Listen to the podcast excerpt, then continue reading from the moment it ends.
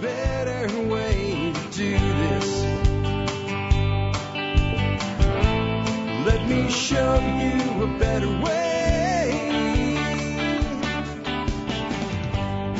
Hi, folks. This is Jack Spirko with another edition of the Survival Podcast. As always, one man's view of the changing world, the changing times, and the things that we can all do to live a better life if times get tough or even if they don't. Today is November 20th, 2018. It is a Tuesday, and as the schedule would indicate, it is a Just Jack show.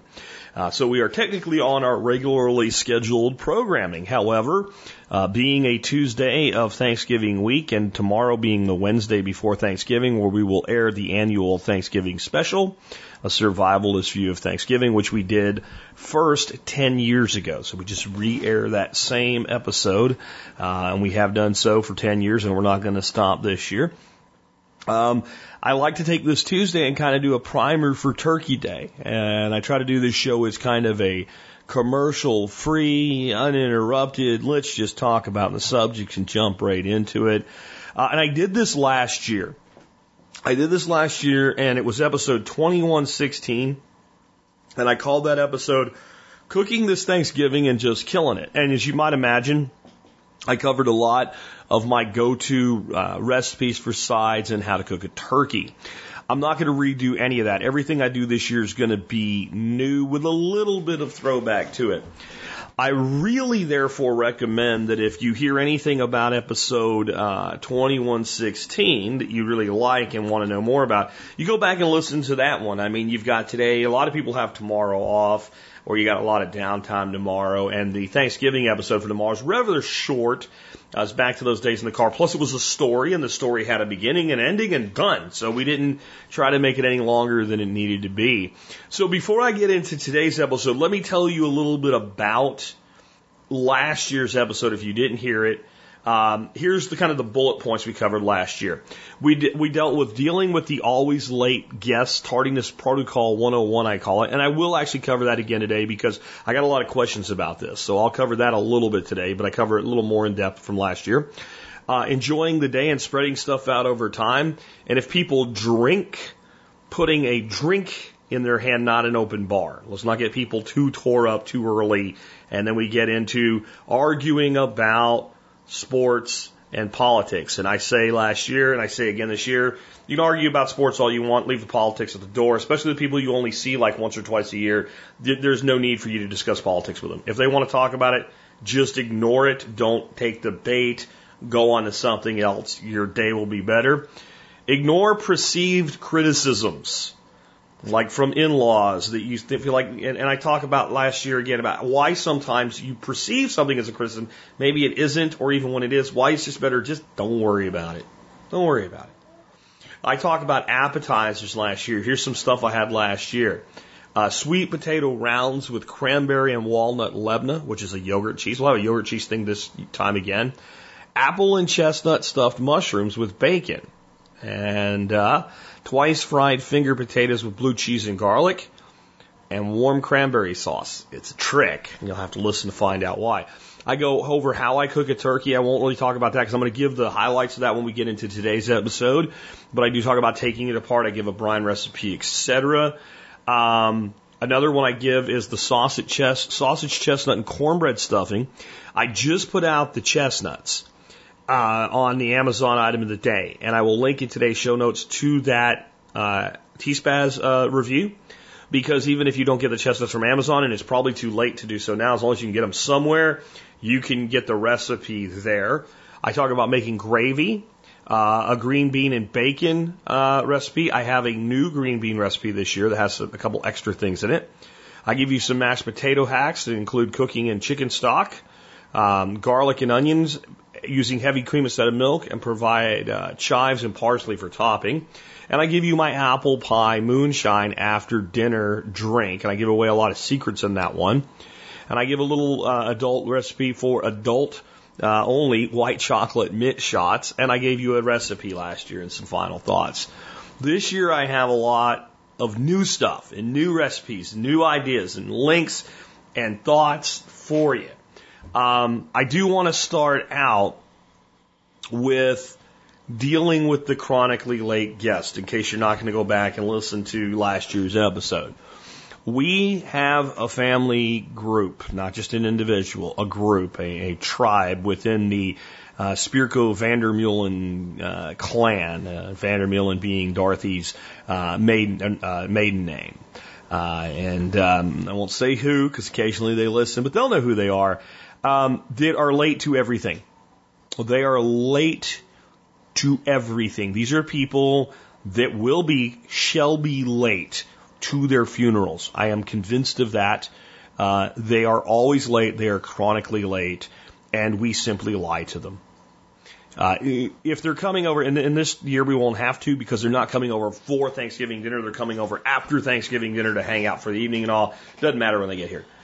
But when I say I'm putting food on the table at three o'clock, you can bet at 2:59 the food is on the table, and we are ready to sit down and eat. And I pride myself, and I'm going to even talk a little bit about today about how I managed to get everything nice and warm and exactly where it needs to be on the table at the time that it's supposed to be there. And I pride myself that if I make the commitment to you that we're eating at three o'clock, that at 3:30 you're you're wiping your plate, not waiting to put something on it. So when I tell somebody we're eating at three, and they show up at 3:15, I'm pissed. Okay, just to be blunt, I'm pissed. And I know a lot of you go through the same thing with things like Thanksgiving off. So you lie you lie by about an hour. We're getting started at 2.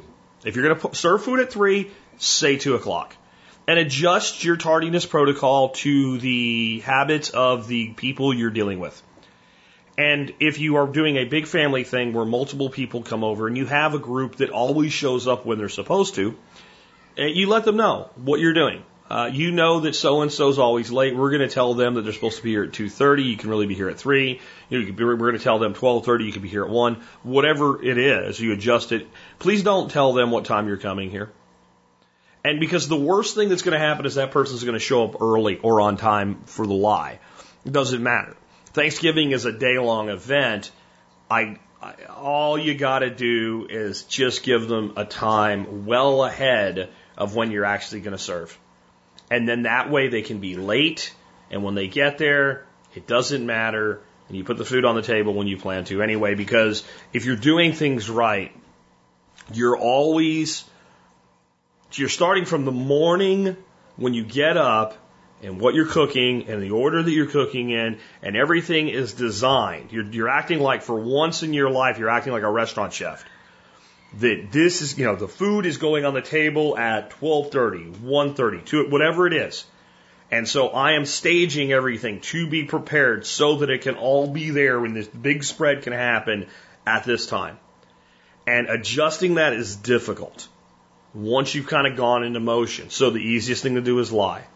Uh, I had a lot of questions though when I said yesterday, if you have questions about the number one thing people asked me was how do you get everything kind of to the table you know, this isn't cold and this is screeching hot and then this is really kind of stale now. And like, how do you manage to get it all together?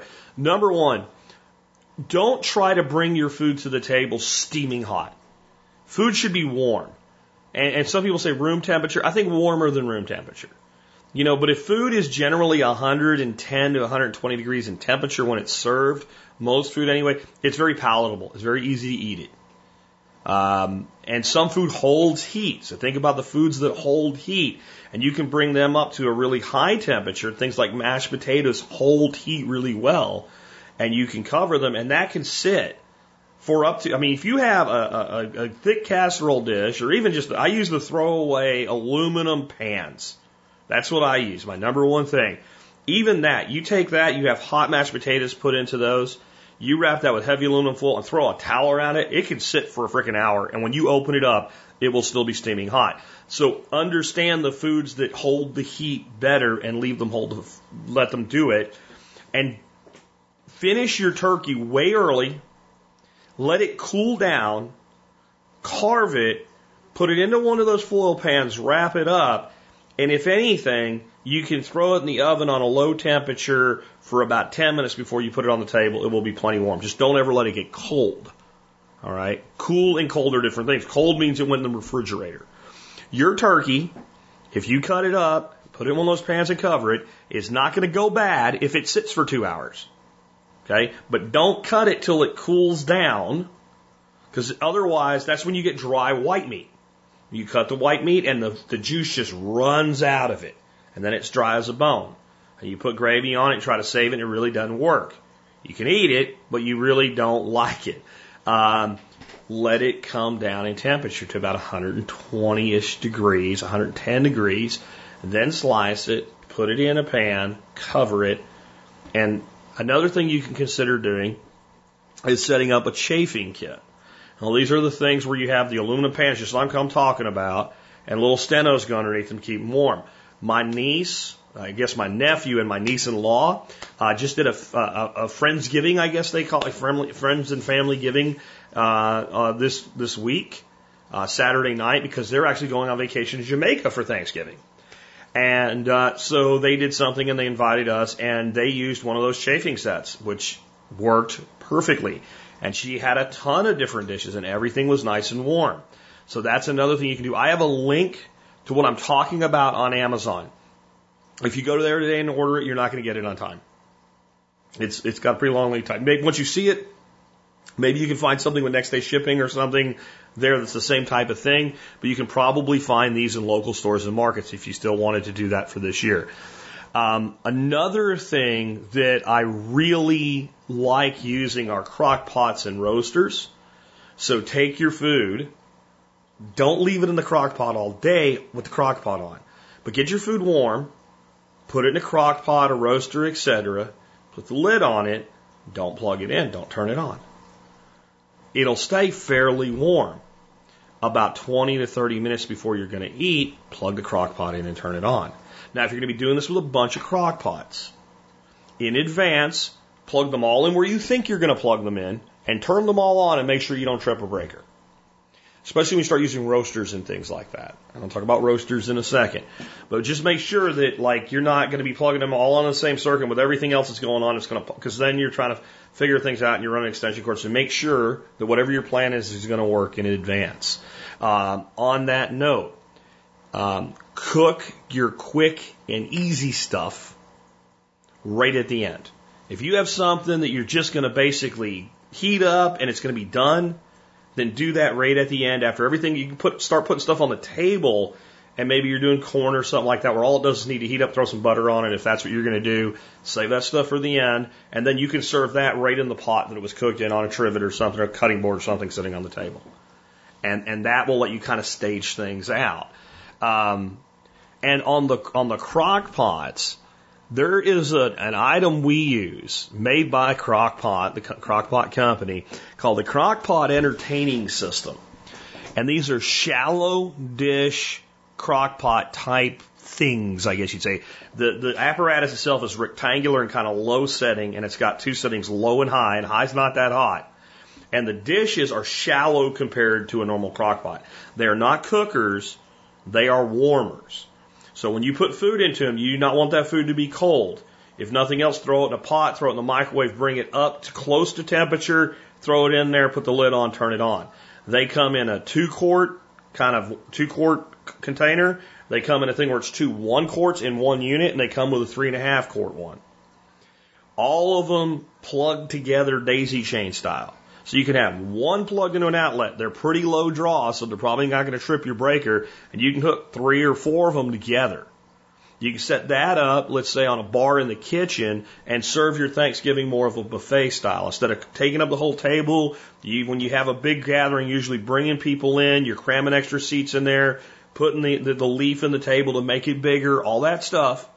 And now the whole table's full and there's no room for anybody. If you have another place you can stage things, Bring in a cheap foldable table and put a nice cloth on it. Put your food on there. Let people go through like a buffet and sit down and eat together. Uh, or at least some of the food you can do that with. So maybe you bring the turkey, the gravy, the stuffing, and the potatoes to the table. Have people go get their sides, sit down and grab that. That way, kind of everybody kind of finishes and starts the meal together. If you want to do a prayer or something like that. But the the entertainment set from Crock-Pot is absolutely and I mean absolutely fantastic. The other thing is the roasters. I, I covered this recently in T-Spaz. I have a link in the show notes again today. The Oster 22 quart roaster. This is basically a second oven for your house. Now, if you're going to be using a lot of heat drawing devices, again, make sure in advance that when you plug this thing in, you're not going to pop a, a circuit. Make sure you have a place where pretty much it can be by itself. But you can roast your turkey in it. You know, um, you can set it on a very low setting and keep all your turkey wrapped up in foil and warm in it. Uh, you can set up, take all your turkey, carve it, wrap it up, put it in there, turn it off, leave it sit in there, and maybe half an hour before you, you eat, put it on a lower setting and bring it up to temperature. It has a lot of control, and unlike a crock pot, these roasters can cook up like 450 degrees. So be careful with how high you turn it up. Okay. Uh, another thing that if you wrap your turkey in foil and you have like your, your, you know, you have a packet of dark, a packet of light, things like that. It might make sense with this roaster to put something down there like a uh, like a cooling rack or something to hold that turkey up so that if if juice flows out of it, it collects in the bottom, but it doesn't kind of like the, the foil packs don't sit in it, so you can take them out and put them into a serving uh, pan on your buffet or on your table. These are really simple, easy ways. And then take that juice and dump it out of there. On these roasters, you can get liners from them. They're like kind of like a big browning bag, and it goes in those uh, roaster pan liners. Get those. They're totally worth it. At the end of the day, you're cleaning up. You pull the roaster liner out, you throw it away. The pan's clean, you put it away. They make liners for crock pots. If you're going to use crock pots, get those. Those are two of the best things you can do for any kind of party gathering, get together. Get the liners. I'll look up links, put them in the show notes, etc. for you guys. But those make your life so easy. We cook for 70 people at our workshops. We use those roasters, crock pots, etc. We always put liners in them and then just pull them out. Bam. Sometimes if the roasters get a little hot, like crock pots, we've never really had a problem. Crock pot, the, but the roasters, sometimes that liner likes to kind of melt to the side. Just pull it out. Take a razor knife and don't go into the enamel. Not that it's going to matter if you're always going to use a liner anyway, but you take a, the kind of razor that you use to scrape like a sticker off the window of a car, like to you know get your old uh, inspection sticker or what have you, your own registration sticker out, put the new one in. You take one of those and just go along, and it comes right off. I just did it with three of them from the workshop where we had some of the liner stuck to them. It took me five minutes to clean all three, and that's after they sat for a week. So trust me, get these liners. Crock pots and roasters are your friends. And do not fear the microwave. In, in multiple ways. In multiple ways. There are people like me, they want their food a little hotter than the average person does. When I make up a plate, if I think anything on it's a little bit cooler than I want, I just throw the plate in the microwave for 30, 40 seconds. Don't be offended if your guests do that. Suggest that if they think anything needs to be warmed up, that they can microwave their own plate. You know, if your, your microwave's like mine, almost all of them have a 30 second button. You throw it in, you hit one button, 30 seconds, it's done. By the time the next guy has his plate loaded and wants to throw it in there, don't be afraid of it. Don't be afraid to use the microwave to warm stuff up.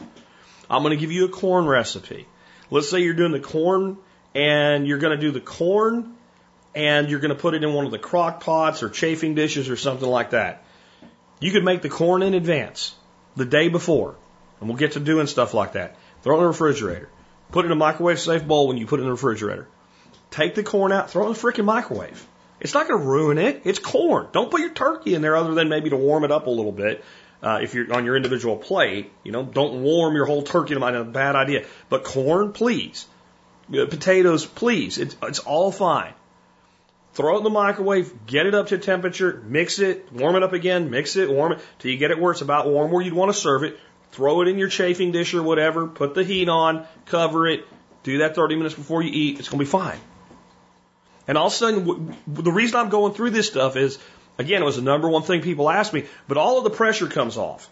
Because what happens is you're trying to keep everything hot right till you serve it, and you end up inevitably doing it with the turkey, and you dry the turkey out and you ruin it. And then you're trying to cut a screaming hot turkey five minutes before you eat, and all the juices are going out of it, and then you're panicking because the potatoes are cold or the stuffing's cold. If you take this approach, everything will be fine. And use the throwaway aluminum roaster pans, the smaller ones, not the tiny ones, but the smaller ones that make about a good family serving. And you can fit four of those in the oven at the same time. So you can have potatoes, stuffing, two kinds of stuffing, green beans, whatever put in them. You can throw those in the oven, warm them up, and then you can put them in your chafing dish. You can put them in your whatever. If nothing else, when you have stuff warmed up in one of those foil pans, Get a big old beach towel, wrap it up in it, and set it aside until you serve. It will hold heat a long time that way, and it won't even make the towel dirty. Foil and foil pans are your friends along with the crock pots, the roasters, and things like that. All right? And, and if you do that, everything, everything gets easy. Let's talk about some new recipes this year, because I know that's what you really tooled, tuned in for. As I said last year, though, the best way to make a turkey is to part it out. Now, I'm going to tell you something. I've known this for two decades. I've known that's the right way to do it. I grew up in a family where we didn't have a lot that was really great, but food was pretty good. And things like Thanksgiving were very traditional. And whether it was my grandmother in Pennsylvania or my grandmother in Florida, Thanksgiving meant a whole beautiful brown skin roasted turkey came out onto the table and you carved it and served it as the meal. It was not pre carved. And I held on to doing this for way longer than I should have because I was attached to it emotionally. We call being attached to something emotionally that's not really the best way to do something illogical. A few years ago, I started raising these broad breasted bronze turkeys. Um, my average gobbler is over 40 pounds dressed weight. That's not live weight on the hoof. That is, it's been plucked, it's been gutted, it's a 40 pound bird. My biggest bird to date, dressed out at 54 pounds. The smallest one I've ever produced was a hen that was 26 pounds. You cannot fit a whole 40 pound turkey in the oven. You can't do it raising these birds and cooking them for my family made me do what I knew that I should have done all along breast and part out my turkeys. A, a, a, single breast cutlet from these birds, one side, no bones, will between, be between six and nine and a half pounds. Due to that, I have started making my turkey parted out. And all I can say is I don't care if it's a 16 pound bird from the supermarket that will fit in your roaster just fine. It's what I should have always done. It makes everything easier. It makes everything better. It makes the end of the day where you don't have this huge hulk of a core sitting in juice that you don't want to clean, so you leave it overnight and it's sitting in turkey jelly in the morning. It makes all of this go away. You take your knife and just like you do a chicken, you take both breast halves off the breast. You push the leg down, you cut right in at the joint where the thigh joins the body, and you can look at parting a chicken. Go go to YouTube and put parting a chicken out, right? Or taking a, ch- a whole chicken apart, whatever, on YouTube. Look for the basic way to do it, where they take the meat off the breast and take the thighs and the legs and the wings off. It's the exact same thing, only it's a bigger bird, takes a little more time and a little more care. You can do this. If you do that, when you go to brine a turkey, you can actually brine a turkey. Brining a 20 pound turkey is difficult, getting it all under the brine and all. If you part out a turkey, you put everything into a bag, you pour the brine in the bag, spin the bag in a circle, put it in a thing so if it leaks, you know, a pan so if it leaks, it doesn't go anywhere. You can stick it in the refrigerator and you can brine it overnight. If you brine your turkey, it will taste better. If you part it out, it will taste better. This is not a chicken, and a chicken's even better parted out. But you, let's say you don't have a 40 pound turkey with a nine, nine pound breast half. Your breast halves are three to four pounds from like a 20 pound bird. Okay, you have a three to four pound hunk of white meat. And a leg quarter from a turkey that size is going to weigh, see, mine weigh about six. So three, you have a three pound leg quarter and you got a dark meat that's best cooked longer and slower and will take longer to finish, and you got white meat that you want to cook to a, a, a, a different temperature, and you're going to cook them together. It doesn't make sense. Now, you can cook them together if they're parted out, and what you do is you decide the temperature you want to cook your bird to, and I covered all that last year, so you can just go ahead and look it up on the old episode. And when that particular cut hits that particular temperature, you take it out, you wrap it in foil, you put it in a container of some sort, and you cover it with a towel. and you let it sit there and steam itself in its own residual heat and continue to tenderize and stay juicy and the juices stop flowing and all the juice doesn't come out and you end up with a wonderful, wonderful turkey. I won't go any further than that because I covered it all last year, but I'm, I'm, I'm begging you to part out your turkey and leave the skin on when you do. And follow what I told you last year. I also talked about smoking the turkey last year. You do not have to smoke it. Uh, I probably won't smoke my turkeys this year, um, but cook at about like 275 degrees. Give yourself enough time to get it cooked, and realize your your turkey parted out will cook faster at 275 than it would cook whole at 325. So part it out, brine it. There you go. Now let's go on to some other stuff. So um, I like watching cooking shows, and I like if I if I get one new thing out of an episode of a cooking show, I don't I, I consider the hour or half hour spent well spent. Um, one of my guys I really like a lot of what he does, and sometimes I think he's just hokey and stupid, is Guy Fieri. Um, I came up with a new recipe this year because of him that I think is amazing, and it's a salt crusted finger potato. And I have a link to Guy's recipe where you can get how to do this. But basically, what you're doing is you're using um, whole fingerling potatoes. So that's that's what you're after. The whole fingerling potatoes, not baby potatoes. Fingerling potatoes um, are actually you know full grown when they're done. They're just a small, kind of long finger shaped potato. And here's what goes into this recipe: about a pound and a half of fingerling potatoes. And remember, you can always adjust this stuff. You want to make a double dose, just double everything in it. You want to make a half dose, just half everything in it. One tablespoon of extra virgin olive oil, a half a cup of kosher salt. I'm going to advise you to cut that to a quarter cup. I think they come out a little bit too salty at a half cup into this recipe. Uh, five to six uh, turns of fresh ground black pepper, four cloves of garlic, two sprigs of thyme, and you can use a couple pinches of dry thyme if that's what you have, and a couple bay leaves. All of this stuff goes into um, a, a, a, skillet, basically a deep skillet. You don't want to use a big. You could use a pot for it, but you want to go wide with this, so it's a shallow uh, amount of water.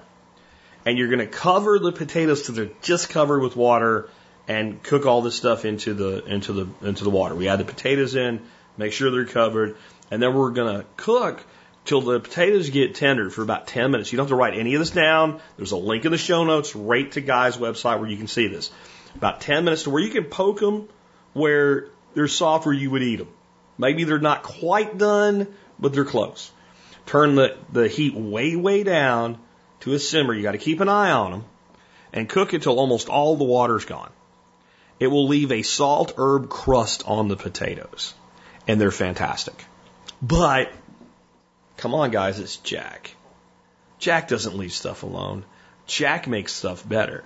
So let these potatoes cool. Now you could serve them just like that.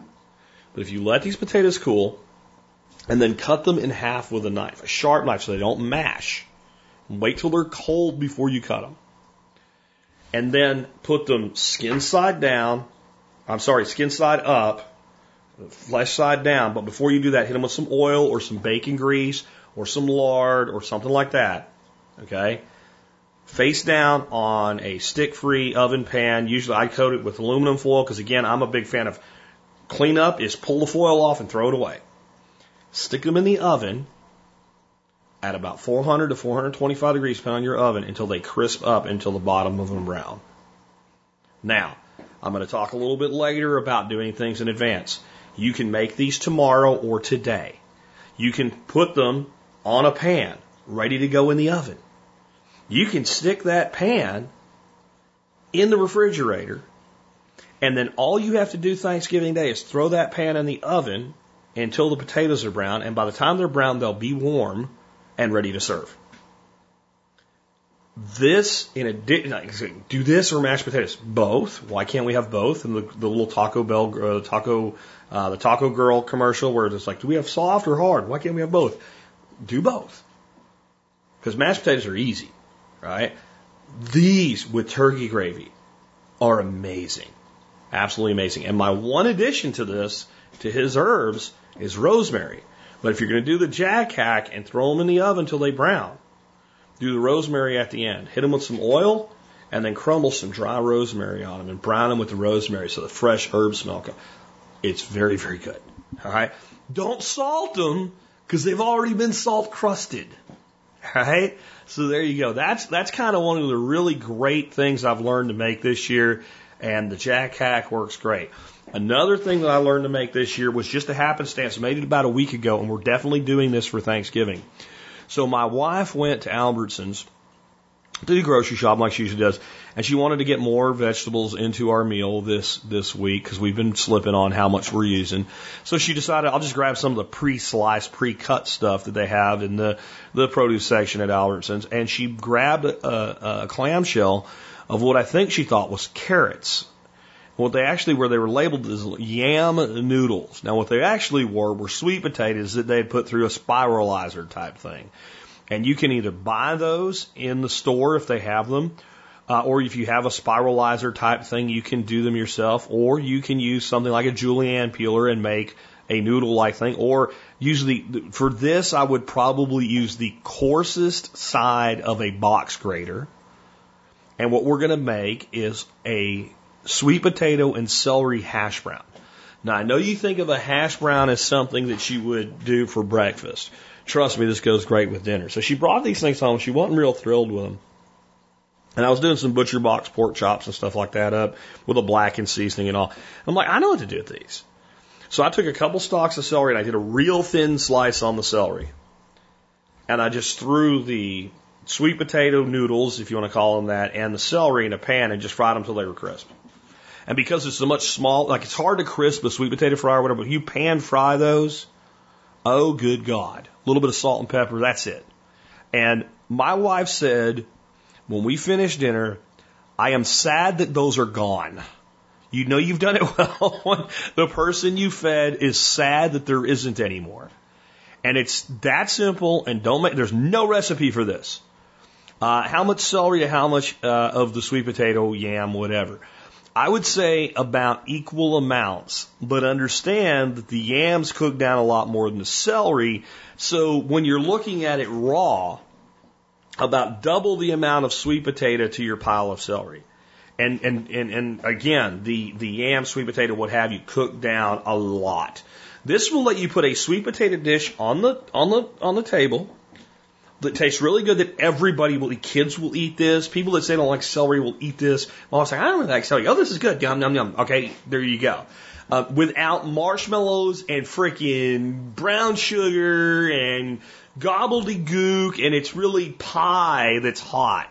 Um, I am not a fan of sweet potato done that way. If you like it, go ahead, but give this a try. Just sweet potatoes uh, through a box grater, a spiralizer, something like that um, and thin sliced celery fried until the sweet potatoes start to crisp.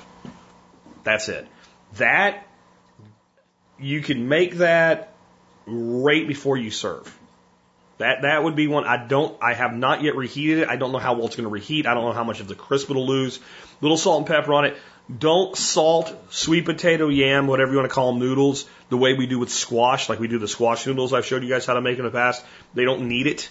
Uh, they have enough texture in of themselves, but a little bit of salt when you fry them. As far as what to fry them in, either olive oil, peanut oil, or bacon drippings or lard. Any of those will work. Just a little bit though, so they don't stick. What I always do when I'm frying something, I take a squirt bottle and I fill it with some peanut oil. That's my oil of choice, but whatever you use. As you're cooking, you can always get a little squirt of oil to, to make sure it doesn't stick and to keep it going and to keep the heat transfer on. Uh, next, I want to talk about some stuffing hacks. Now, I gave you a really great chestnut stuffing uh, recipe last week. I'll link to it again this week. It's fantastic. It uses sausage and chestnuts and cornbread stuffing, and it's just amazing. But there's a lot of things you can do with your plain stuffing. Let's say you're the person that you just go out and you get, you know, Pepperidge Farm or Stovetop or whatever, and you just make the stuffing according to directions. Maybe you throw some celery and onions in the pan and you brown those up, but then you just follow the directions. Water or chicken stock or turkey stock, uh, along with some butter, and you bring that to a boil. You throw the stuffing and you mix it up, and you're done, and you're you're happy with that. Here's some things you can do that make that stuffing kind of at another level. Apples. Apples are fantastic. So if you're going to do apples, here's what you do. Make your stuffing according to directions. Dice up some apples. And after the stuffing's basically done, you fluffed it with a fork like the thing says, throw some apples in there. How many? I don't know how many you want. But kind of mix them through. Put the stuffing in a pan, one of those foil pans, wrap it with foil, set it aside, throw it in the oven, about 350 degrees, for about 30 minutes before you serve it. It'll come out nice and piping hot, and the apples will cook through in the residual heat and during that period of time. It's very good. You can do that with a couple handfuls of uh, cranberries. Don't do this unless the people coming like cranberries, or, you know, if you make a big batch of stuffing, and we always do, we're big on not eating too many carbs. Thanksgiving's different, it's carbtastic day split your stuffing in half and make one plain Jane and one special. And then when people have the choice to try it versus being forced to eat it, they generally try it with a little bit more open mind and they enjoy it. So cranberries. Another thing I've done is pecans. Not whole pecans, so like pieces, crumbled pecans in stuffing. Very, very good. Sausage. Uh, I've done breakfast sausage. I've done andouille. I've done my own homemade jalapeno venison. All of it's really good in stuffing. Uh, as much or as little as you want. But I'll tell you the easiest, cheapest, buy it at the store, flavor enhancer sausage for any kind of stuffing you're going to make. Uh, sage, like the Owens or whatever, sage uh, sausage. Uh, so whatever the brand name is, it's available where you are, but the sage. That just kicks off. Thanksgiving and sage go together, man. So that works. Let's talk about making some real cranberry sauce. And I make real cranberry orange sauce. And this is what you do. Go out and buy a bag of cranberries, ocean spray cranberries. Right on the bag, it tells you how to make cranberry sauce. It gives you water and sugar and cranberries. Go to the canned food section and get a can of, of mandarin oranges, little mandarin orange slices. Whatever amount of cranberry sauce you make, put about, you know, 25% of volume of those oranges with that syrup that comes in the can with them in there and stir it up.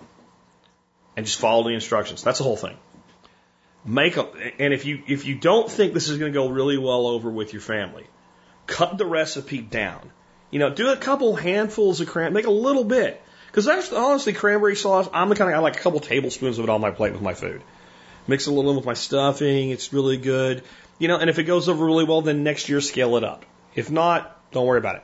But what I do, they, they sell the cranberries in one and two pound bags. I'm only going to use a quarter pound of cranberries to make my sauce because it, it doesn't, my family's not big on it. I make it for me. So why buy the big bag, Jack? Why not the little one pound bag? Why do you buy the two pound bag? Because guess what I do over the weekend? I get another can of those mandarin oranges and whatever's left from the one can and the cranberries, and I put them in a bottle, and I dump water of about 170, 180 degrees on top of them, which immediately drops down below that, and they all rupture. And then I dump three pounds of honey in there, and then I add cool water up to three quarters of the bottle. Huh? You know what I'm doing. I take a temperature reading my little infrared gun. When that temperature is 110 degrees or lower, I pitch my, my Cuvée Pasteur Blanc blend of yeast in there and I start that fermenting. And a couple weeks later, I transfer it to a secondary and top it off with clean filtered water to a full gallon. I put an airlock on it. Maybe if I'm maybe if I have a lot of cranberries, I do two batches of that, six pounds of honey, etc. Make two gallons, and I have a cranberry mead. And I let that go in that secondary for about 45 to 60 days, and then I bottle it. And then once I bottle that, next year we have a cranberry mead for Thanksgiving. It is fantastic. Next, um, uh, John uh, wrote in and said, "What the hell do I do with green beans?" He says specifically canned green beans, and I was going to say, well, for Thanksgiving, don't use canned green beans. Use uh, frozen or fresh because they're better. But he said when he started copy canning, he bought way too many cans of green beans and needs to get rid of them. So I gave a recipe for green beans last year you can look up, but here's a really simple one. I'm going to go first of all. This whole green bean casserole where it's you dump cream something soup on it and put those toasted onion things on the top and make like this goulash out of it. You know, look, if you like that, don't let my opinion change your mind. But I just find that to be like, you know, I'll put it to this way. any recipe that says dump a can of cream of something soup in, I'm probably not going to like. I, I think that tin soup has this kind of an institutionalized metallic flavor that makes me think of a school cafeteria or a jail or something. And I just don't like that flavor. And and canned food is okay, but tinned canned soup tends to have that I don't know, that quality I just don't care for, especially like, you know, at Campbell's or something. There's some higher end soups that come in a can that taste pretty good. Um, Bar Harbor or Bay Harbor or something like that is like a, a crab bisque and a clam chowder on, and it's in a can and it tastes just fine. So it's not the can. Uh, it's just that whole kind of low end Campbell's stuff has that flavor I don't like. So here's my recipe for your green beans. And you can do this with any green bean. You cook them till they're done. If they're canned, they just need to be warmed. But get yourself a, a skillet or a pan or what have you, and drop down some oil of some kind, uh, bacon grease, lard, I don't care, and saute some shallots. Saute them till they just begin to crisp, and then put your beans into whatever you're going to warm or cook them in and mix the shallots and that grease in with them and cook them like that. Before, during, after, whenever, bake some bacon. Take your bacon, lay it out, single layer on like a cookie cooling rack set in a baking tray with what lining it? Aluminum foil. So when you're done cooking, you can just dump out the grease. Maybe you did this in advance. You use that bacon grease to saute your shallots. Okay. But set that grease aside, Get the bacon, let it cool, cut it up into pieces. When the green beans are done, take your bacon, your crumbled bacon, and put it on your green beans and toss. So you have green beans, shallots, and bacon. But we're not done yet. Get some sli- almond slivers and also add those at that point. Maybe put a little bit of heat into it at that point, but don't do the shallots. I mean, uh, don't do the bacon and the almonds all the way through. Do them toward the end one really nice thing you can do then is maybe put them uncovered for a little bit in the oven, and that will crisp up the almond and give it a little bit of a roast. And that is fantastic. And you can do that with fresh, canned, or frozen. Adjust your cooking time to your beans accordingly. That is so superior that anything that involves dumping a can of soup crap into it and pouring a can of dried onion crust, whatever it is, on top of it um, you're elevating a green bean at this point. You're doing like a green bean almondine. It's it's it, it, it, it's so simple and using shallots instead of onions. It has that sweeter kind of thing going on to it, and it's so simple and so easy. Um, how about yogurt cheese? Now, I did the yogurt cheese last time with cranberries and things like that, and I called it a Lebna, which technically it is the way I did it last year. But just do some yogurt cheese. And do your yogurt cheese with garlic and black pepper. So if you don't know how to make yogurt cheese, go to survivalpodcast.com and stick yogurt cheese in. But basically, you strain yogurt overnight. Use a little bit of salt, some cracked black pepper, and some garlic. Or make it any way you want to do this with. So you have your yogurt cheese. This is an appetizer. Get some crackers or something like that and go ahead and spread your yogurt cheese on them and set that out as an appetizer. But after, don't put this into the yogurt cheese when you make it. Put it on top of the spread. If you don't want to spread it for people, you want them to spread it themselves, then make a little pile and like so you have it on a plate and then another little plate with a pile of crumbled pistachio. And a little like I'll tell you another thing that really puts this over the top. Put a little squeeze bottle of honey out. Or go ahead and make it up for people. Put the put the, the yogurt cheese on the crackers, you know, give it a, a, a crumble of pistachio and a little wisp of honey. Oh, guys, this is so ever loving fantastic. And that's a great appetizer. I wanted to give you a couple appetizers. Yogurt cheese is always a great go to appetizer. Uh, if you put out like a vegetable plate with like celery and carrots and stuff like that, instead of ranch dressing, make up a couple different kinds of yogurt cheese. You can do that tonight. It'll be ready tomorrow. You put it in, and here's what I do my, when I make yogurt cheese. I, I don't make my own yogurt. I just don't have time. So I go buy, if you can find it, whole milk, plain yogurt, with active cultures. That's what you're looking for. And whole milk is the hard part to find. And try not to buy anything with any pectin or anything like that added. You want milk and, and cultures. And sometimes you have milk cream and cultures to thicken it with a whole milk. That's fine. If you can't get a whole milk plain yogurt like a 2%, or if you have to do it a non-fat. If you do non-fat, here's the trick. Add whatever amount of yogurt you have, add about 20% that amount of, of heavy cream and, and just mix it all together when you make your yogurt and you're, you're back to a whole milk yogurt. That's, that's your hack there. Um, so you, you've you've made up your yogurt and and put that out with your vegetable plate or what have you, and you can put the crappy ranch dressing or whatever out there too if that's what people like. But you'll find people really like that. A great thing to do with that yogurt cheese, get some dehydrated vegetables. Like a really good mix would be uh, dehydrated uh, sweet peppers, dehydrated tomato, and some sort of a green like dehydrated kale or spinach, and put that through your your spice grinder to make a powder and then mix that into your yogurt cheese. That's another really great thing. Again, so much better, so easy, uh, and, and put that out. But I like having some appetizers because my favorite phrase up until we eat on Thanksgiving is get the hell out of my kitchen. That, that, that's my number one. Get the hell out of my kitchen. Well, what are you doing? Get the hell out of my kitchen. We have a big like island bar, and on the Outside of it, there's an overhang and there's stools. And if you want to be in the kitchen area, your ass can be on that side of the bar. But if you come into the kitchen, you will quickly hear Jack say, Get the hell out of my kitchen. You have no business in my kitchen. Move. I'm working, right? But I want my guests and I want to interact with them the hell out of my kitchen. So if you have appetizers, you can set the appetizers just the hell out of your kitchen, and that way when they're they're they're drawn to the appetizers, you set some drinks there and stuff, and they're drawn to that area, and then when you say get the hell out of my kitchen, they have a place to go where they can still interact with you. You can go right there, but you get the hell out of here, okay? And cooks in general, if you like to cook and you have a process and you're doing something for this many people that's this involved, you need your space, and you can probably work in that kitchen with two other people that know how to work in a kitchen but random people, and I'm sorry, even though they're your friends and family on Thanksgiving Day, they're random ass clowns that are just moving in places they don't need to be and you're kicked out.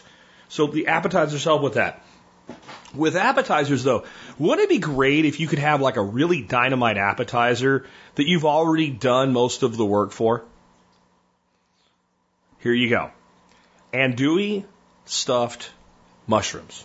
You're thinking, Jack, I haven't made any andouille. And by the way, andouille is a, a, a style of sausage, and both the pronunciation, you're going to challenge me on this, but it's not, you're not going to win if you do. Andouille and andalaya are both proper pronunciations for this sausage depending on the dialect that the sausage is being discussed in.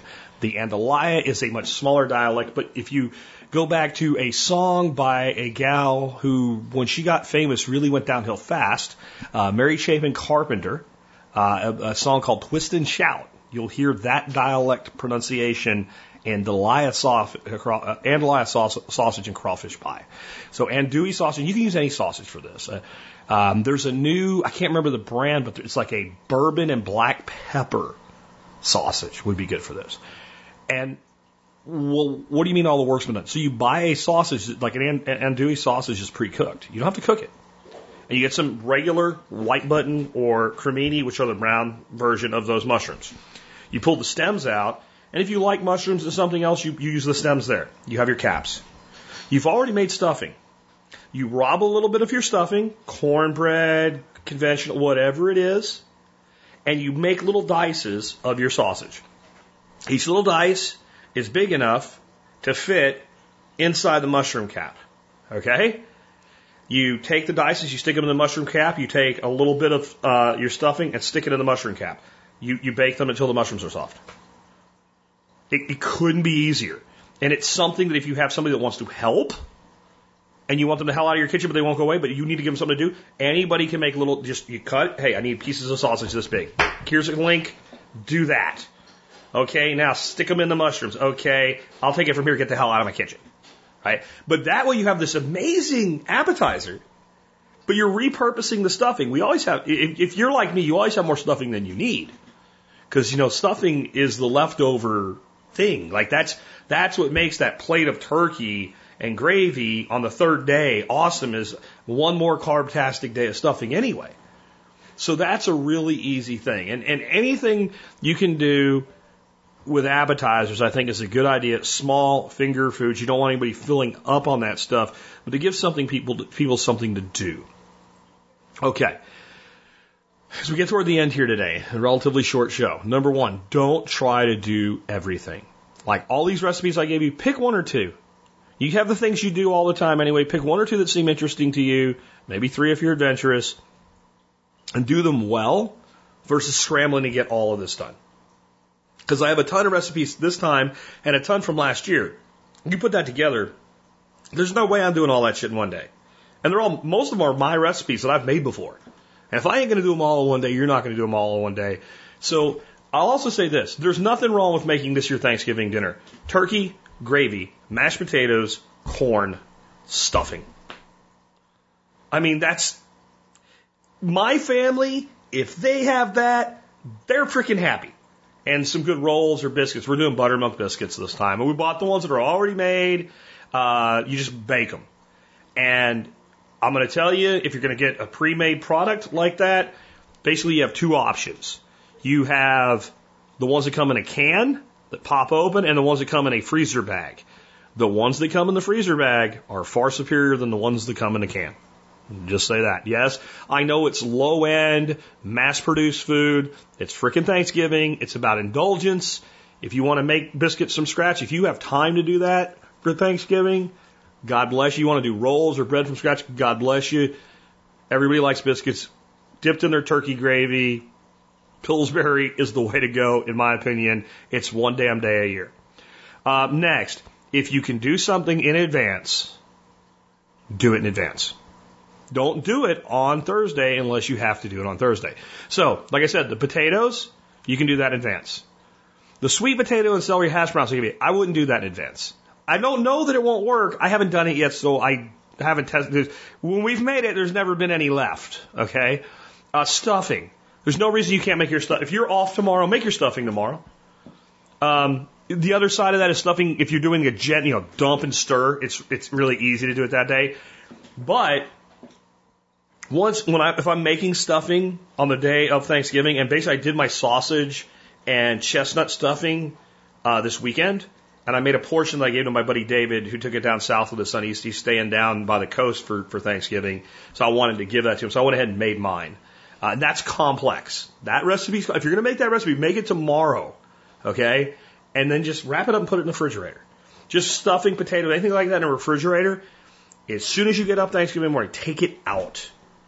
It takes a long time to get the center of that kind of thing warmed up. You might even take it out while you're getting the turkey ready to do if it's not going straight in the oven. throw it in the oven on a low temperature for you know until the turkey goes in. Pull it out, set it on the counter. It's not going to go bad. It's not going to go bad. It's not going to go freaking bad. It's breadcrumbs. Okay? And then that way, when you throw it in 20, 30 minutes before the meal, it will actually get hot in the center. Okay? But you can definitely make the stuffing in advance. Or when I'm making, because I make my complex stuffing and I make boring Pepperidge Farm stuffing for the rest of the family because a lot of family, that's what they really like. I do, I do celery and onions. I get those pre-cut uh, at the store. Yes, I can cut celery onions. It's just so easy. Boom, bam, in the pan, sauteed. There goes the butter. There goes the stock. There goes mix. Put it in the thing. I do that as soon as the turkey is in the oven. I make my stuffing and set it aside.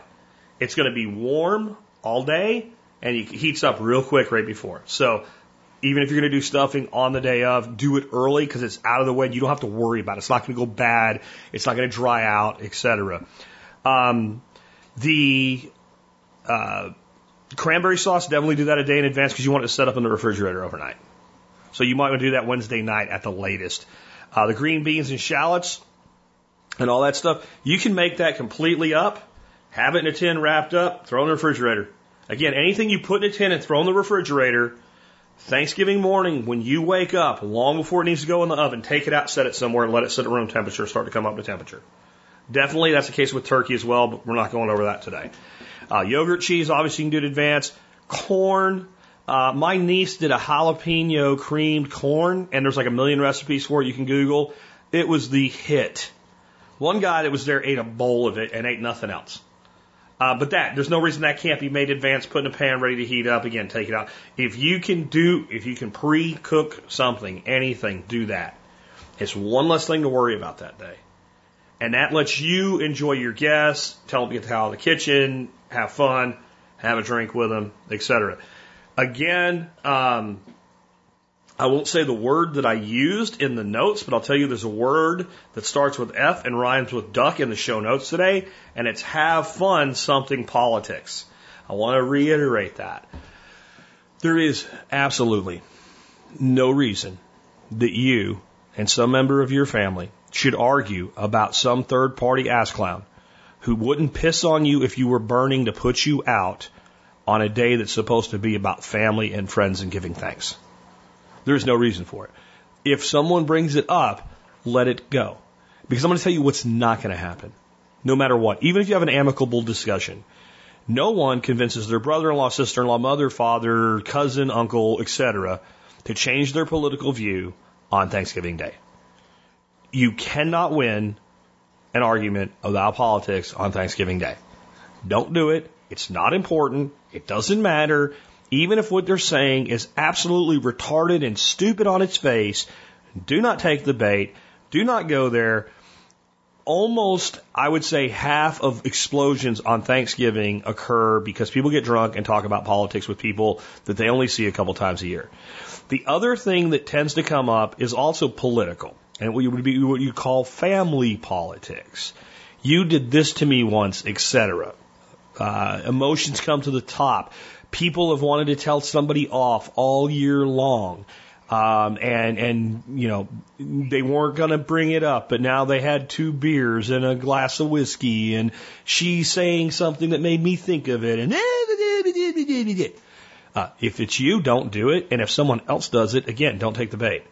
Whether you're sorry or not, I'm sorry you feel that way. I'm sorry.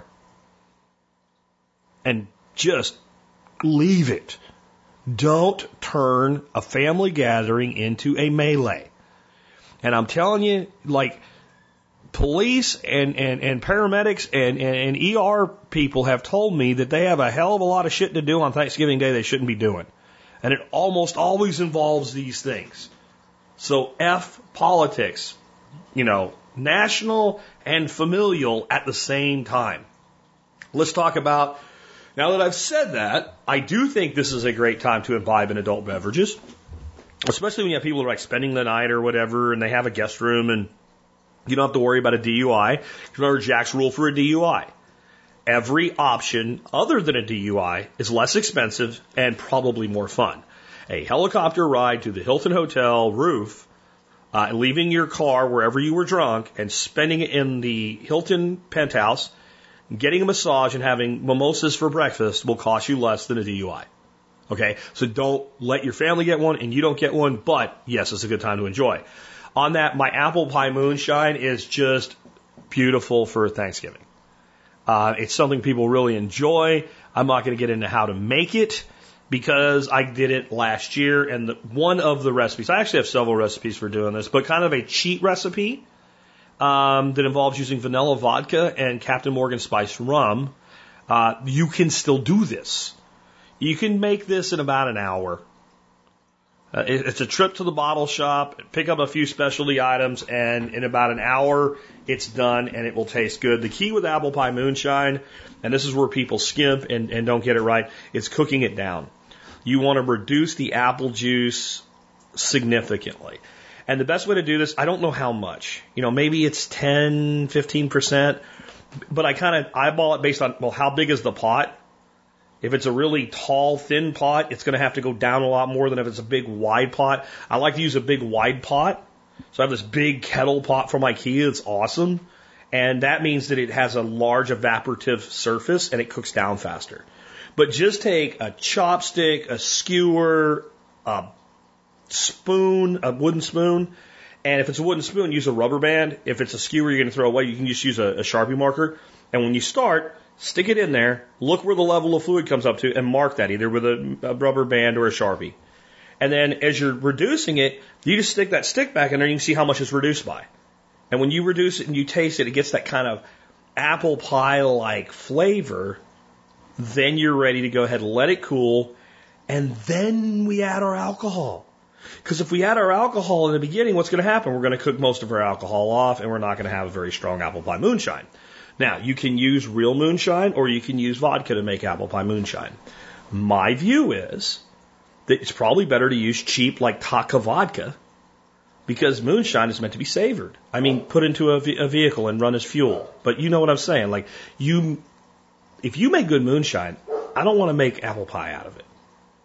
Okay, uh, it's up to you.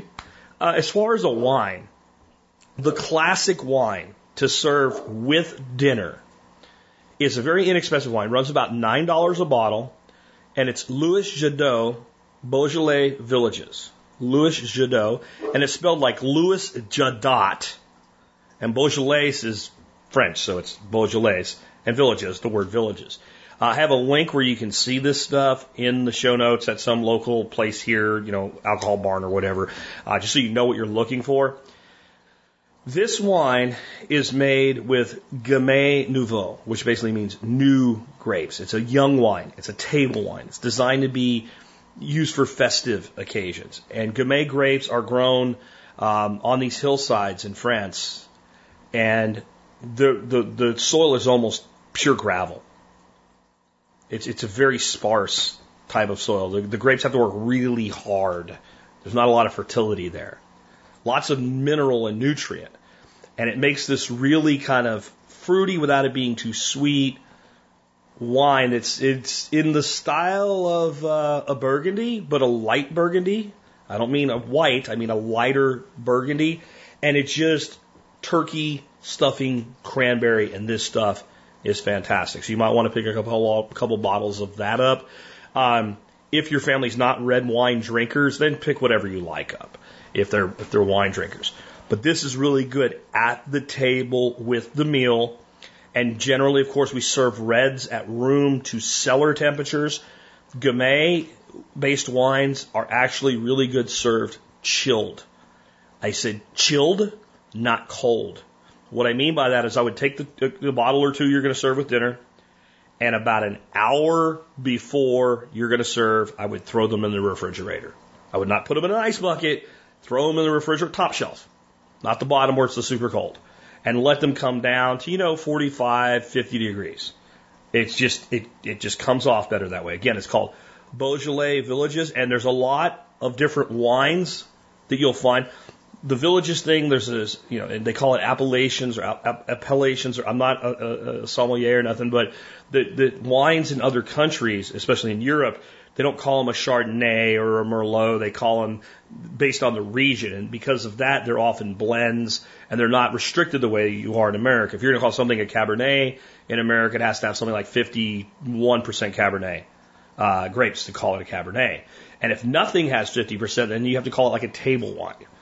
Where in, in France, Burgundy might have two, three different grapes, four different grapes in it, and the ratios will change every year based on what the blender for that vineyard thinks is the best blend for that year. And that'll be called a Burgundy because it comes from the Burgundy region. Beaujolais villages is the same thing. It's this, it's this group of seven villages. And the wines produced there all will bear that name. And you can find uh, several different places that make this stuff, but Louis Jadot is considered kind of the best of the bunch, and none of it's expensive. This is again a, a family table wine. This is what you would serve your kids in France for Thanksgiving. Uh, another idea, and this is a great, you know, people show up early, get the hell out of my kitchen, have a drink. Uh, idea is a cranberry mimosa. So you just think mimosa, cranberry, right? So we got to, you know, don't use expensive champagne for this. In fact, it's really not champagne. It's like sparkling wine, uh, like a like a brut or something like that, uh, Andre brut, something like to that effect and you could probably figure out how to make it. But I have a, a recipe linked in the show notes.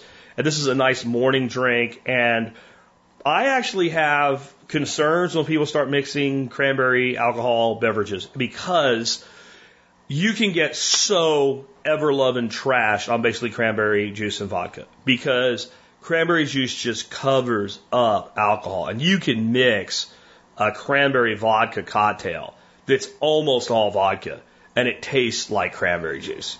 So I get a little worried when people start doing cranberry alcohol because, especially at Thanksgiving Day, trashed in politics and all that. But if you're making mimosas, come on.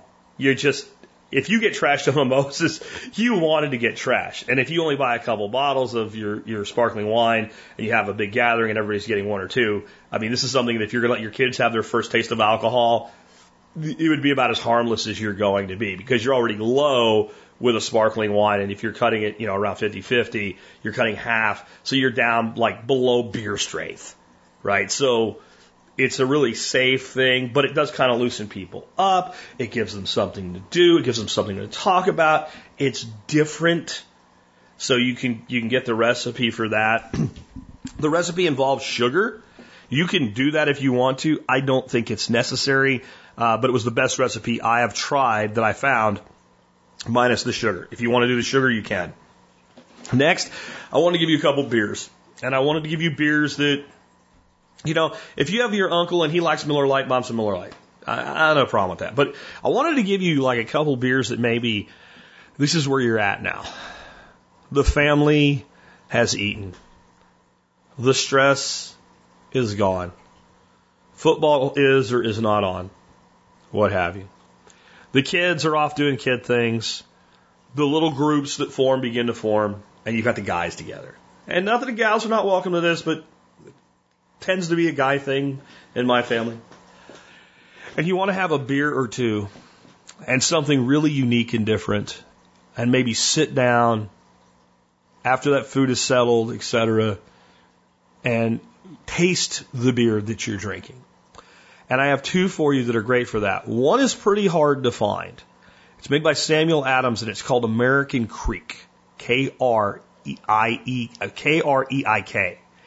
That's a German word and um, or Dutch actually. Uh, not even Dutch, Belgian. It's a Belgian, whatever they speak in Belgium. Um, which is kind French. I don't know. Parts of only speak French. I don't know. But Kriek comes from Belgian lambic. And lambic is a type of beer that's made, uh, real lambic, true lambic, can only be made in about a 10 mile radius of Brussels. There are, and this is not a true lambic. This is an American take on it. Uh, and, and the way these beers are made is there's these huge stone tanks that they have on, on the roofs of the breweries. And they put, after the, the wort is boiled, the wort is what we make the beer from. It's, it's the unfermented sweet stuff with the barley and the hops and all that stuff. It's the sugary elixir that will be fermented into beer. The beer is then dumped into these giant stone vats on the roofs of the brewery. And natural yeast and bacteria that are indigenous to this area settle and make this tart, sour beer, which is then, you know, goes into a secondary and typical fermentation process from there and aged. And a, a straight lambic is just that beer, and it's kind of sour, and it's it's it's sour in a great way. But the Belgians, being smart people, went, hmm, lots of things go good with sour, like uh, raspberry. So a framboise uh, lambic is a raspberry lambic. They do a peach, which is really good. I think they call that goose or guys or something like that. And then the kriek is cherries. Now, if you're thinking cherry beer, sweet, nasty, no. Uh. First of all, fermented cherries are not sweet. Cherries are sweet, but when we ferment something, what happens to the sugar? The yeast goes nom, nom, nom, nom, nom, and eats the sugar, and it poops out alcohol and CO2. And we get the magic of beer because barley syrup is very sweet, and that's basically what beer is made from. So if you have a sweet beer, it was sweetened after the fact. If you fermented it out, then you can't have sweet because the sugar's gone. So you get a tart cherry is what you get in this. This comes in a big bottle that will sell for somewhere between 10 and 14 bucks where you find it. It's a very uniquely shaped bottle. I will put a link in the show notes for you. You can go look at it. Once you know that shape of bottle, Sam Adams makes like four or five beers that come in this type of bottle. They're hard to find. A place near me used to carry it. I can't find it anymore around here. If you can find it, I really recommend picking up a couple bottles of this and then get some nice glasses for this. Um, traditional would be kind of like almost like a brandy snifter style glass, like you would do a, a Belgian Trappist in, would work well for it. But anything with kind of a wide open mouth, even a, a, a red wine glass, though I don't like the big stem, but the stemless red wine glasses would be good for this beer. Pour that and tell the story. This is how it's made in Belgium, and this is what's done in the United States. And some of these yeasts and, and bacillus have been you know, captured and cultivated. And Sam Adams uses those, and they use a tart versus a sweet cherry to bring more of the sour to the party, and you know, and learn and and and, and talk to people about something that has nothing to do with anything that they worry about all year long. That brings me to my next beer. This one's a lot easier to find. This one seems expensive. It's called Midas Touch and it's made by Doghead Brewing Company. I think it's Doghead. Uh, Dogfish, Dogfish Brewing Company. Dogfish Head. Dogfish Head, that's what it's called. Um, it's called Midas Touch. and this is one of, they have a whole series of ales they call their ancient ales. And this beer is what they call sweet yet dry. And it's, it's, it's sweet the way a off dry wine is sweet. There's a fruitiness to it that tricks you into believing it's sweet, but there's no real sugar there. So it has a clean, crisp finish. And it was made, now, he's, they say the tomb of King Midas. Since I don't think King Midas was a real person, I don't know how much of this is true. This is what they say about this beer.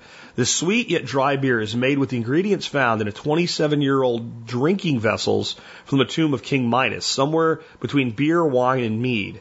Midas will please the Chardonnay and beer drinker alike. Um, and this is made with um, white muscadine grape in addition to things like barley and it has saffron in it, which doesn't do a lot to the flavor, but it gives it a golden hue, hence Midas gold touch turn to gold, right? Uh, the head on this beer is beautiful, but learn the ingredients honey is in this beer. And this beer is best served well chilled. Maybe not completely Americanized, you know, 36, 34 degrees, barely having a piece of ice. But, you know, this is something you put in the refrigerator that morning and serve well chilled that evening. And I'm telling you, the way to go with this, if you can get both of these beers, do the the Sam Adams. It seems backwards because it's a heavier beer. Do the Sam Adams, and then do a glass of this. And you know, you get a four pack of this for like 13 bucks. So, you know, if you, I would say you split a bottle of this between two people. Um, it's actually fairly high in alcohol. I think it's about 9% it's eight nine or nine one or something like that. So you know, you don't want to get people too too hammered. You know, Beer, being hammered on beer is to me worse than being hammered on hard liquor. Honestly, when you're actually hammered, so uh, be careful with that. But this is fantastic, and I, I think that again, don't try to do all of this, but pick and choose between them, and and make your your Thanksgiving more than just food and people getting together. Make it stories. And the best way to get people comfortable telling their stories is to tell them stories and tell them stories like the story of this beer or the story of this wine, where the Gamay grapes come from or what have you. And, you know, maybe not right in the middle of the meal, maybe after the meal, you, because you, you, don't want to be Cliff Clavin, right? If people that are familiar with Cheers know it, like always bringing up things that people don't really care about. But when everything's kind of calmed down, hey, that wine we had, let me tell you where that actually comes from. Or do that before the meal or what have you. But no matter what, just be with your family and be thankful to have them and thankful to have what you have in this world today. And what I wanted to finish up with is some of the things that I'm I'm thankful for this year. Uh, number one, um, the 10 year parties, I should call it instead of party parties. Um, the one we did in August uh, at the restaurant in downtown Fort Worth, and then this latest workshop, which you know one day of the three was pretty much a party. Um, hearing the stories of you guys from the audience telling me uh, how I've affected your lives. That's my payday. That's my payday more than the money that I earn. When I hear I started this business, I, I, I got myself out of debt, I'm working on this, I'm doing that, I'm working with this person who I met through the community, you know, oh, the, one of the greatest things in life, I think, for any person is to feel that what you do has a significant impact on the world, that what you do matters, that the, the world's a little better for the work that you do. And I am so grateful that I'm able to feel that way because of what I hear back from you guys. Um, I say it over and over again, but I am so thankful and grateful for my wife and the rest of my family. But my wife is literally everything to me. Um, there's no way I could be where I am and do what I do without the support that I get from Dorothy. She is the most amazing woman to tolerate my shit on a daily basis for over 20 years now. It, it, it alone shows that she's a special woman. Um, sometimes I beat up on this country and our, especially our government and some of the stupid crap that we do, but I am, I am grateful beyond words to be able to call myself an American and live here in America. Um, there is no other place where a man like me could be as critical of the place that I live in and be left alone to myself with it. Um, we do enjoy freedoms here that are not enjoyed other places in the world. And a lot of times that is over exaggerated as though like, you know, if you live in France, you're in complete, you know, it's like living in, I don't know, Saudi Arabia or something. Uh, there's a lot of freedom in the world today. There's more freedom in the world than there ever has been but there's more freedom in America than there is anyplace else that I know of. Um, specifically, freedom that really is freedom. So a lot of places you can get away with a lot of things, but you could also get in a lot of trouble for those things. Where here we really do have freedom. We're not we're not throwing people in, in, in jail for a joke yet, like they did over in the United Kingdom, for instance, just for one thing. Uh, I am grateful for where I live. I'm grateful to have this little three acre farm of mine, nine mile farm, uh, to take care of. I'm grateful that ducks are back in my life. I'm grateful that I'm able to do the little hobbies and things that you guys only hear pieces of, like my fish and stuff like that. I am grateful for the food that we've produced. I am, I am grateful beyond words for all things. And that brings us to our song of the day, which is going to be a two parter today. So, uh, John Adam has picked the songs for the rest of the year, and he was pretty switched on to figuring out short weeks in this. But I think I threw him a curveball with this week because he gave me three songs this week, and I'm only going to play two of them. Um, and we'll work the other one in somewhere. But the song that he sent me for tomorrow, which I'm going to play today because tomorrow will be the Thanksgiving special, is a Thanksgiving prayer. Um, by Johnny Cash. And it's a really great song. I'll talk about that when I come back here in a second. When I was looking for information on it, I found this article saying that this Thanksgiving thing from Johnny Cash is what we really need this year. And it was written a couple years ago, and I think it still applies. But when I looked it up, it wasn't the song John Adams sent me. It's a song he did, and, and, and based on what I can track down, this thing I'm about to play for you um, would have happened right about the time that the last of our soldiers were coming home from Vietnam. So we're talking 73, 74, 72, somewhere in there, um, on some kind of a special or something that this was done on. And it starts out with Johnny talking and then it goes to singing. And I'm going to cut it before the song because I only want to do one song today. But this is, uh, it was called Thanksgiving. I Thank You from Johnny Cash. I'm going to go ahead and play the narrated portion of that for you. I'll come back with a few thoughts and then we'll have our song of the day. Thanksgiving is the day that we're reminded to be thankful for the things that we've got. Though it may seem like little sometimes, we've always got something to be thankful for. I'd like to tell you a story about a man that I think has a lot to be thankful for.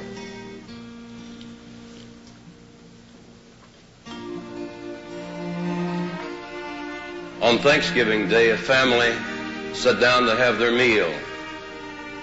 There was very little on the table, a few things from the field. No turkey, fancy dressing, some bread and a little beans. For the crops had been a failure and the times were pretty lean. The father bowed his head. It was their habit to say grace. And a calmness came over his lined and wrinkled face. Dear Lord, he said, we thank you for the sun was warm today. And we thank you for the singing of the birds and the laughing of the children as they played. And thank you for that neighbor of mine that fixed my plow. Thank you for that old plow horse. We sure could use a cow. Thank you for the muscle. I can stand the ache. Just let me have your blessing on all I undertake. And I thank you for this country too. Uh, we've troubles now and pain, but with your help, Lord, we'll get back to where the road is smooth again. And thanks for all the love we've got and the strength to work my land. For there's nothing, Lord, that I can't do if you lend a helping hand. Thank you for my good wife, Lord, and the children that I've got. They love me for the things that I am, and they forget the things I'm not.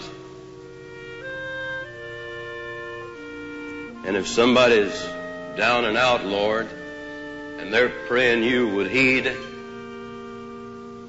just send them over to see me, Lord. I got more than I need. Now, Johnny Cash was a deeply Christian man, and, and I'm not. And, and, and I appreciate that most of y'all stopped trying to save me from myself there and just accepted that we all have our own unique ways that we view the world. But it doesn't mean I can't respect and appreciate the sentiment and, and really have high dealings of respect for people of faith because they commit to something and they mean it and they live by it. And, and, and I try to live by a lot of those ideals independent of faith. And, and I, I do believe in a God. Uh, I classify, classify myself as a deist. Uh, but, but I try to make those commitments based on them being the right things to do. And some of the ones that hit me in that narration there is, you know, if there's anybody that doesn't have what they need, send them my way because I have all I need and more. And I, I think we all probably struggle with that sentiment because there are so many people in need and we can't possibly take care of everyone. And I actually think a society where we tried to provide for everyone would actually be detrimental because it would remove the incentive that people have to make something of themselves and to do for themselves. And there are some people that if they don't have some incentive, they will literally do nothing. Um, but I think there's also a lot of people that are doing all they can and still coming up short. And my thought on that is not even just a Thanksgiving thing. In general, with being charitable, you, you, we really individually do not need to worry about trying to help everyone. We, we just need to worry about trying to help someone. And it's a funny thing. Helping one person a little bit isn't really hard. And instead of trying to focus on, well, I want to do something for people on Thanksgiving, I want to do something for people for Christmas, if we just get into our minds and our hearts, I want to help people when I can and where I can and where I see the opportunity and where I believe the opportunity is well put. I'm not going to give the guy sleeping on an empty bottle of whiskey a $10 bill, but I might give that guy a sandwich. You know, I really might.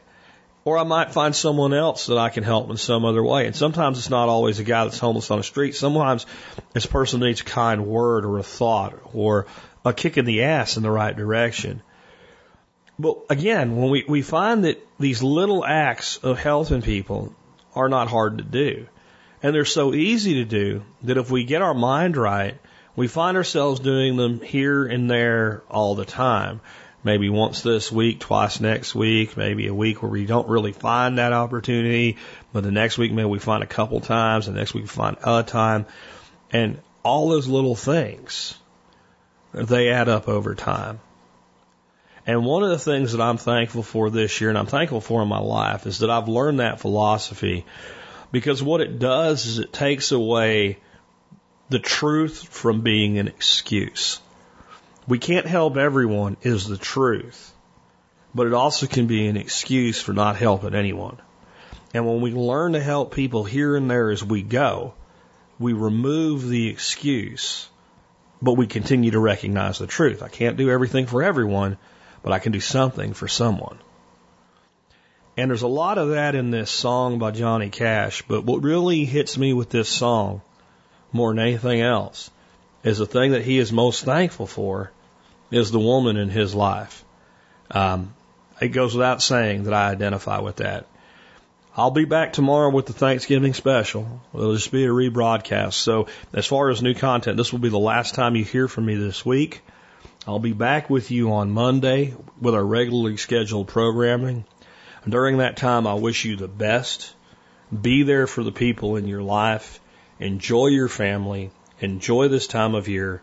Be thankful for what you have and be grateful for the things that you don't have that you know that you're working on so that you know that someday you will. With that, this has been Jack Spirko with another edition of the Survival Podcast, helping you figure out how to live that better life if times get tough or even if they don't. We've come to the time in the season when family and friends gather near to offer a prayer of thanksgiving for blessings we've known through the years. To join hands and thank the Creator. Now when Thanksgiving is due. And this year when I count my blessings, I'm thanking the Lord He made you. This year when I count my blessings, I'm thanking the Lord He made you. I'm grateful for the laughter of children, the sun and the wind and the rain, the color of blue in your sweet eyes, the sight of a highballing train, the moonrise over a prairie, and Oh, love that you've made new. And this year when I count my blessings, I'm thanking the Lord He made you. And this year when I count my blessings, Lord He made you.